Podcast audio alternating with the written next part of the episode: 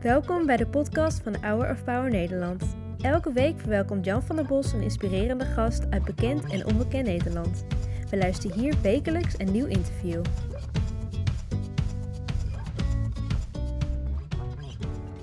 En uh, onze gast van vanmorgen is uh, Tabitha van Krimpen. Je bent de jongste theoloog des vaderlands. We hebben ze allemaal hier aan tafel gehad. Alle jongste theologen, alle theologen. Maar vertel nog even, wat is het om benoemd te worden tot jongste theoloog des vaderlands? Ja, je jonge theoloog 25, des vaderlands, klopt. Ja, ook nog de eerste vrouwelijke jonge theoloog. Nou, dat vind ik persoonlijk ook wel erg leuk. Uh, een jonge theoloog is altijd een theologiestudent. En daar komt ook de werving uh, vandaan, vanuit de theologieopleidingen. En daar wordt iemand benoemd die eigenlijk een jaar lang de ambassadeur is van de theologie in de samenleving. Dus echt die verbinding opzoeken tussen theologie en maatschappelijke thema's die spelen. En waarom ben jij uitgekozen? Want er zijn honderden theologiestudenten. Ja, dat is altijd lastig om van jezelf te zeggen natuurlijk. Je mag het doen. Uh, nou, ik heb ook een achtergrond in bedrijfskunde. En dat vond de jury wel een leuke combinatie. En ik ben al wel langer bezig ook met die thema's rond theologie, maatschappij, relevantie van theologie. Nou, door dat jaar heeft, heeft dat eigenlijk een vlucht genomen. Ja. ja. want je bent een hele originele dominee. Jij zou het liefste hebben als de voetbalwedstrijd Ajax-Feyenoord was... dat er op die grote schermen verscheen bijvoorbeeld God houdt van je... of uh, Johannes 3 vers 16, als lief heeft God de wereld. Want je zegt, we moeten ja. uit die kerk de wereld in. Toch? Zeker, ja de kerk die staat in de wereld en die kan eigenlijk niks anders dan ook in die wereld staan, wat mij betreft. Ja, en daar hoort een stukje marketing en, nou, in mijn ogen wat minder bescheidenheid ook wel bij. Je vindt de kerk te bescheiden? Ja, heel vaak wel, ja. Zeker zo'n tijd als coronacrisis, waarin veel mensen eenzaam waren. Nou, heeft juist de kerk ook laten zien hoe belangrijk ze, ze is. Hoe ze wel mensen opzoekt, oog heeft voor anderen, uh, voedselbank. Nou, allerlei mooie samenwerkingen ook met maatschappelijke organisaties ja, dat vind ik wel heel erg belangrijk. En uh, nou, ook in, als we kijken naar cijfers rond vrijwilligers, zijn het aantal mensen die, die naar de kerk gaan, zijn daarin oververtegenwoordigd. En uh, dat wordt nog wel eens ver, vergeten. Ja. ja. Dat is mooi, hè? dat is ook door de minister benoemd. Die zei van hoe belangrijk is juist de kerk in deze tijd, ook in de tijd van corona. Ja. Je hebt bedrijfskunde gestudeerd en theologie. Ja. Voorwaar een wat merkwaardige combinatie. Ja, dat hoor je niet vaak inderdaad. Nee ja, bedrijfskunde was daarin eigenlijk mijn eerste keus. Ik vind vooral het praktische heel erg leuk. Uh, dingen organiseren, aanpakken. Uh, dus ik wist wel, daar wil ik iets mee gaan doen. Ik ben dat aan de Radboud Universiteit gaan doen, waar ook wat meer die sociale kant centraal stond. Nou, hoe motiveer je mensen? Hoe geef je leiding? Echt die menselijke component.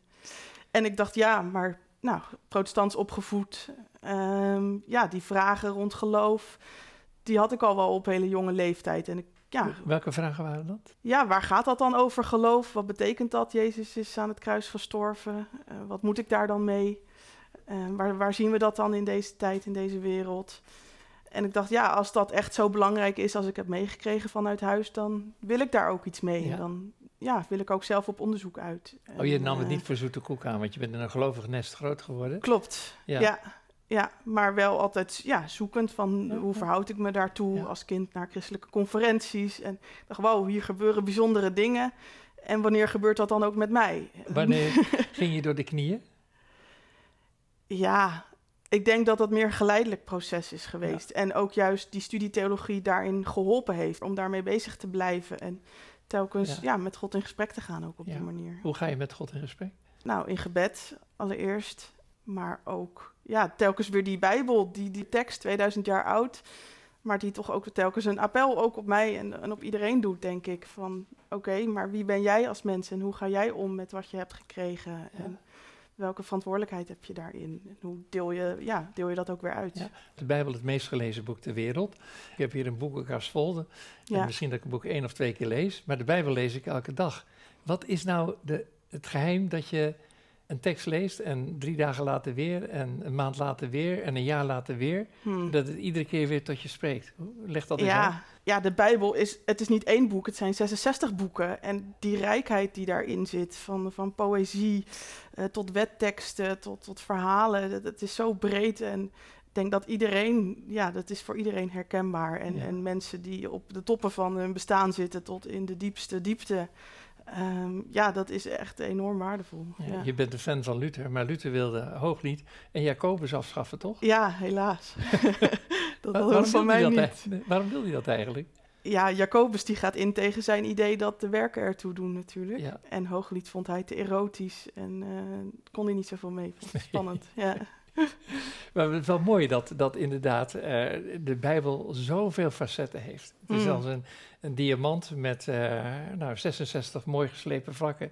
En Ja. iedere keer zegt het eh, weer wat nieuws tegen ons. Psalmen Ja. zijn voor jou ongekend belangrijk. Hè?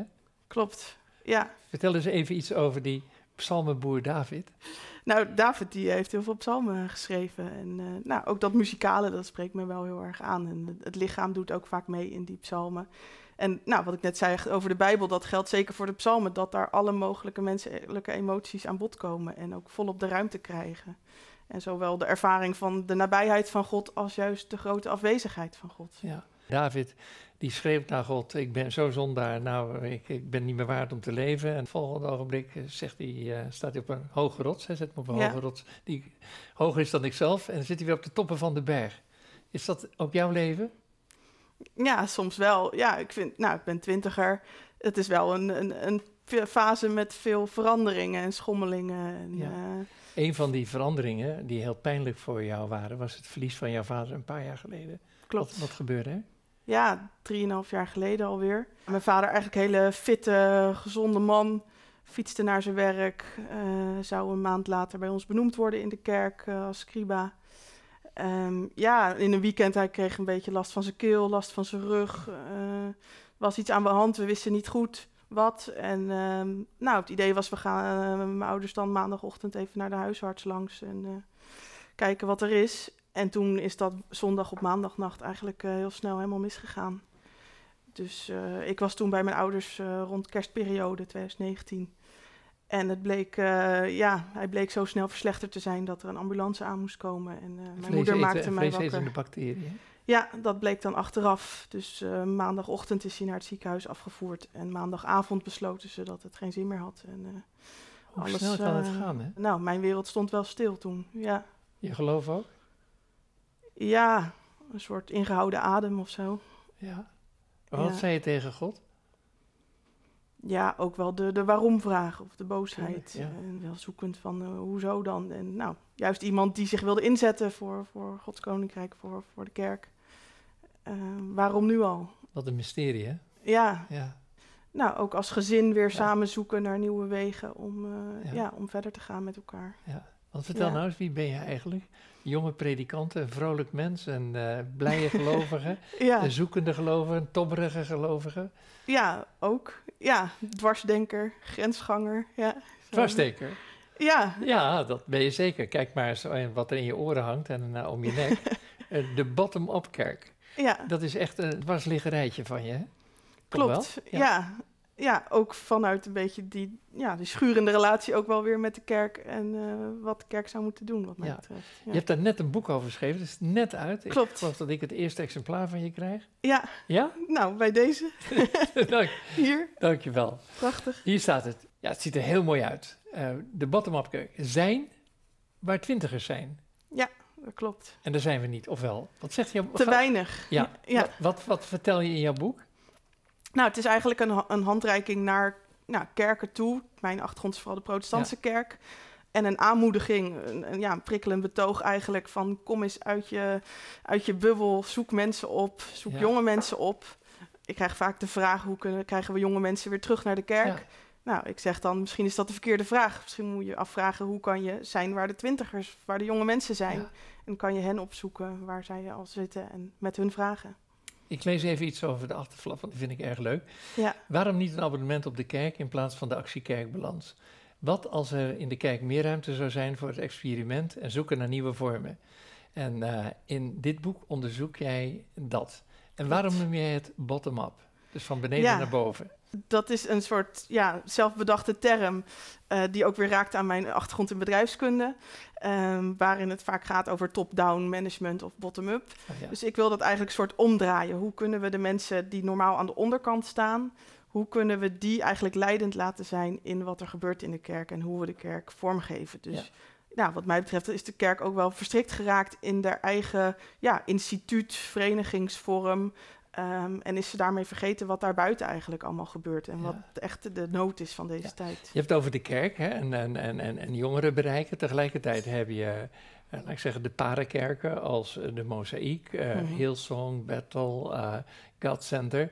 Niet echt kerken, maar meer gemeenten. Ja, communities zeggen we dan. Communities. hè? Ja.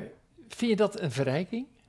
Of zeg je van de kerk kan daar een voorbeeld aan nemen? Ja. Want daar komen duizenden jongeren op een zondag. Ja, ik denk dat dat, dat dat soort kerken wel een goede spiegel kunnen zijn voor de traditionelere kerken. Als je naar Mozaïek, de website, gaat, dan zie je als eerst eh, kerk plek van gebroken mensen. Nou, daarmee proberen ze in te spelen op een bepaalde kwetsbaarheid waar veel jonge mensen naar op zoek eh, zijn en daar dat ook vinden. En dat is denk ik wel heel belangrijk. Ja. Ja. Dus qua vorm zit daar wel zeker overeenkomsten met wat ik eh, betoog. Spreek jij jongeren aan? Ja, dat denk ik wel. Ja, Leuk? ja, gisteren nog eh, een goed gesprek. Toen hadden we het over, ook over die thema's, eh, over evangelische kerk versus traditioneel. Toen zei juist iemand uit Mozaïek, een leeftijdsgenoot, zei... Nou, ik vind het juist fijn om af en toe in zo'n eh, traditionele kerk op adem te kunnen komen... en even tot rust te komen. En juist in die grote kerken is het weer de uitdaging van... hoe blijf je elkaar zien? En zit je naast iemand van, oh, ben jij nieuw? Nee, ik zit hier al zes jaar. Ja, hoe vorm je dan ook nog een hechte gemeenschap... waarin je ook weer in goede en in slechte tijden met elkaar meeleeft? Ja. Dus dat is daar dan weer de uitdaging. Wat is jouw droom? Ik droom toch wel van een, eh, een bloeiende kerk waar jong en oud elkaar vindt en eh, geloof deelt en van elkaar leert en, en, en God ook centraal staat. Ja, dat hoop ik wel heel erg. En dat ook, uiteindelijk doen die verschillen tussen jong en oud er toch ook weer niet toe. Eh, ik hoop dat dat verdwijnt en dat we elkaar mogen zien zoals we echt zijn. Niet alleen een bottom-up kerk, maar een verenigde kerk. Ja, Ja.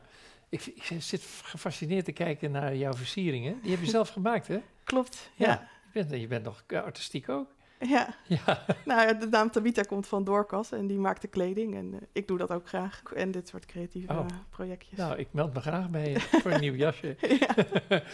De psalmen liggen daar nog. Ik zou eigenlijk aan jou willen vragen of je een van je lievelingspsalmen wil Ja. voorlezen. Het is niet de meest vrolijke psalm, maar Oei. wel een psalm die juist in die nou, moeilijke tijd mij ook erg eh, geholpen Van je vader. heeft. Ja. Eh, psalm 13 is het. Een psalm van David. Hoe lang nog, Heer, zult u mij vergeten? Hoe lang nog verbergt u voor mij uw gelaat? Hoe lang nog wordt mijn ziel gekweld door zorgen en mijn hart door verdriet overstelpt, dag aan dag? Hoe lang nog houdt mijn vijand de overhand? Zie mij, antwoord mij, Heer, mijn God. Verlicht mijn ogen, dat ik niet in doodslaap wegzink. Laat mijn vijand niet roepen, ik heb hem verslagen. Mijn belagers niet juichen, omdat ik bezwijk. Ik vertrouw op uw liefde. Mijn hart zal juichen, omdat u redding brengt. Ik zal zingen voor de Heer. Hij heeft naar mij omgezien. Nou, vind ik heel erg mooi. Zowel die diepte als ook weer ja, toevlucht zoeken bij God uiteindelijk. Ja, mooi is dat. Ja, Ik wil je heel erg bedanken voor jouw eh, mooie bijdrage. En weet je, ik ben ook ongelooflijk dankbaar dat er jonge mensen, jonge predikanten zijn zoals jij, die eh, energie hebben en een visie Hm. voor de kerk. Erg mooi dat je daarmee bezig bent. Ik wens je heel veel zegen toe. dank. Als je nu één minuut de camera in mag kijken en tegen jongeren van deze tijd, die zeggen: Ik heb niks met geloof, ik heb niks met God, Ja. ik heb het allemaal prima voor elkaar, ik heb een leuke baan, eh, ik ben een millennial en eh, voor mij, ja, misschien ooit nog een keer, maar nu niet. Wat zeg je dan? Ja, nou, ben jij een jong iemand die zoekt naar een betekenisvol leven waarin je echt verschil kan maken en iets kan betekenen voor je omgeving? Nou, kom dan bij de kerk, zou ik zeggen. Een plek waar je echt jezelf kan zijn, waar de maskers af kunnen en waar je ja, mensen ontmoet die misschien heel erg anders zijn dan jij, wat misschien ook kan schuren, maar waar je uiteindelijk ook heel erg veel van leert. En nou, als jij zoekt naar persoonlijke ontwikkeling, dan is misschien de kerk wel de beste plek om, eh, om te beginnen. Dus van harte welkom en eh, ga gewoon eens bij een kerk naar binnen, laat je verrassen en eh, ga het gewoon doen. Echt geweldig. En ook fijn dat wij als Hour of Power met de kerk samenwerken, want we voelen Ja. ons hecht verbonden met de kerk en met de gemeente in, eh, in Nederland. Ja, Dankjewel voor dit eh, mooie boek. Zijn waar de twintigers zijn, daar hoor ik niet meer bij. Maar ik wil wel voor graag, alle generaties. ik wil er graag bij zijn. Ja, Ja. Ik geef, eh, laat je niet met lege handen naar huis gaan. prachtig. Nee, Heel mooi. Dank u wel. lees hem even voor. Ja, de Heere zegene u en behoede u. De Heere doe zijn aangezicht over u lichten en zij u genadig. De Heere verheffen zijn aangezicht over u en geef u vrede. Prachtige Bijbeltekst. Ja. Ja, en als zegen. Mooi hè? Dankjewel. Tabita, hartelijk dank en eh, alle goeds. Bedankt voor het luisteren naar het interview van deze week. We hopen dat dit verhaal jou heeft bemoedigd. Wil je meer weten over Hour of Power of andere interviews bekijken? Ga dan naar www.hourofpower.nl